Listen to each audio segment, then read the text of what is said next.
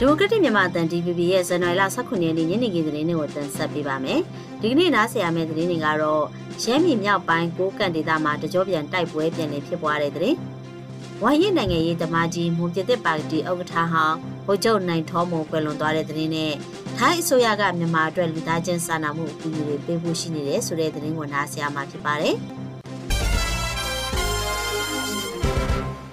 မြောက်ပိုင်းညီနောင်မဟာမိတ်၃ဖွဲ့နဲ့စစ်ကောင်စီတပ်တို့ယာယီပြည့်ရဲ့သဘောတူထားပေမဲ့ရှမ်းပြည်မြောက်ပိုင်းကူကန့်ဒေသမှာတကြော့ပြန်တိုက်ပွဲတွေဖြစ်ခဲ့တယ်လို့ဇန်နဝါရီလ16ရက်နေ့ညနေပိုင်းမှာမြောက်ပိုင်းညီနောင်၃ဖွဲ့ကသတင်းထုတ်ပြန်ပါတယ်။မနေ့ညပိုင်းကစစ်ကောင်စီတပ်သားတွေကကိုကန့်တပ်ဖွဲ့တွေတပ်ဆွဲထားတဲ့ကချင်တောင်နဲ့မီတာ30အကွာအဝေးကိုဝင်ရောက်ကလက်ပစ်ဘုံနဲ့စတင်ပစ်ခတ်တိုက်ခိုက်ခဲ့တာကြောင့်မိနစ်20ကြာထိတွေ့တိုက်ပွဲမှုဖြစ်ပွားခဲ့တာလို့ဆိုပါတယ်။စစ်ကောင်စီတပ်သားတွေဟာကိုကန်တပ်ဖွဲ့နဲ့တကြော့ပြန် ထိုးစစ်ကိုမခုခံနိုင်ပဲစုတ်ခွာထွက်ပြေးရချိန်မှာ60မမလက်နက်ကြီးနဲ့3ကြိမ်ပစ်ခတ်ခဲ့သေးတယ်လို့ထုတ်ပြန်ချက်မှာဖော်ပြထားပါတယ်။စစ်ကောင်စီတပ်နဲ့မြောက်ပိုင်းညီနောင်မဟာမိတ်၃ဖွဲ့တို့ဟာတရုတ်နိုင်ငံရဲ့ဂျာဝင်စစ်ဆက်ပေးမှုနဲ့ဇန်နဝါရီလ17ရက်နေ့မှာယာယီပြစ်ခတ်ရက်စဲခဲ့ကြောင်းကြေညာခဲ့တာဖြစ်ပါတယ်ရှင်။ မြန်မာနိုင်ငံကပေးထုတ်ခကြုံနေရသူတွေစီကိုလူသားချင်းစာနာမှုအကူအညီတွေအများပြားထောက်ပံ့ပေးဖို့လက်ရှိပြည်ထနာကိုဖြေရှာနိုင်ရေးမြန်မာစစ်ကောင်းဆောင်တွေနဲ့လူနည်းစုတိုင်းသားလက်နက်ကိုင်ဖွဲ့တွေကြားဆွေးနွေးညှိနှိုင်းမှုတွေပေါ်ပေါက်လာစေရေး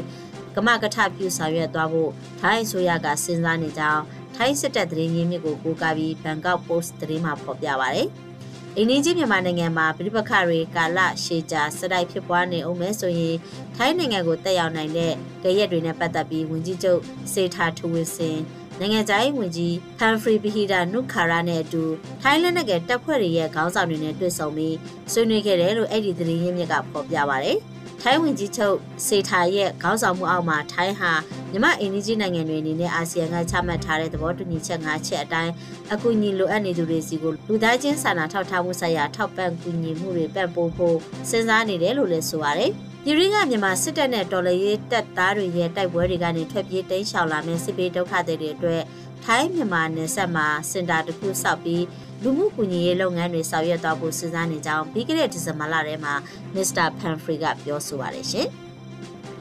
ကနေဒါနိုင်ငံမှာရောက်ရှိနေထိုင်အလုပ်လုပ်ကိုင်နေကြတဲ့မြန်မာနိုင်ငံသားတွေရဲ့လစာဝင်ငွေတွေပေါ်မှာဝင်ငွေခွန်ကောက်ခံမယ်လို့အော်တာဝါမြို့တော်အခြေဆိုင်စစ်ကောင်စီရုံးကဇန်နဝါရီလ15ရက်နေ့မှာသတိပေးချက်ထုတ်ပြန်ထားပါတယ်။ကနေဒါရောက်မြန်မာနိုင်ငံသားတွေထဲမှာမြန်မာနိုင်ငံကူးလက်မှတ်အမျိုးအစား PJ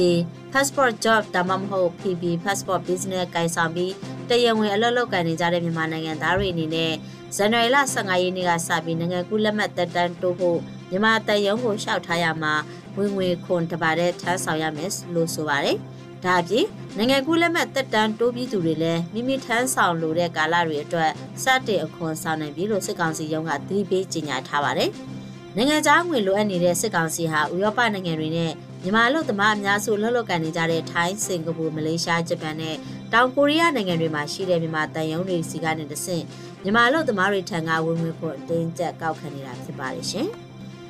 မွန်ပြည်သစ်ပါတီဂုံထူးဆောင်ဥက္ကဋ္ဌဟောင်းနိုင်ထောမွန်ဟာထိုင်းနိုင်ငံစန်ခလဘူရီစေယုံမှာဇန်နဝါရီလ18ရက်နေ့မနက်9:00နာရီကလူကြီးယောဂာနဲ့ကွယ်လွန်ခဲ့တယ်လို့မွန်ပြည်သစ်ပါတီဝင်နဲ့နှိဆက်သူတွေစီကနေသိရပါဗျ။အသက်88နှစ်ရှိပြီဖြစ်တဲ့နိုင်ထောမွန်ဟာကွယ်လွန်ချိန်မှာစနည်းဖြစ်သူမိဝုတ်သမီးသူနဲ့သားနူးတို့ကြံရစ်ခဲ့တယ်လို့သိရပါတယ်။ နိုင်ထောမွန်ကိုမွန်ပြည်နယ်မှုတုံမြို့နယ်ကမာဝက်ကျေးရွာမှာမွေးဖွားခဲ့တာဖြစ်ပြီးဆက်သွယ်ရေးတပ်သားအဆင့်ကနေမွန်ပြည်သက်ပါတီတဲကိုစတင်ဝင်ရောက်ခဲ့ကအဲ့ဒီနောက်တာဝန်အဆင့်ဆင့်ထမ်းဆောင်ခဲ့ကမွန်မျိုးသားလွတ်မြောက်ရေးတပ်မတော် MNLA CUC ချုပ်ဗိုလ်ချုပ်ရာထူးအဆင့်ထိတာဝန်ထမ်းဆောင်ခဲ့ပါတယ်ရှင်။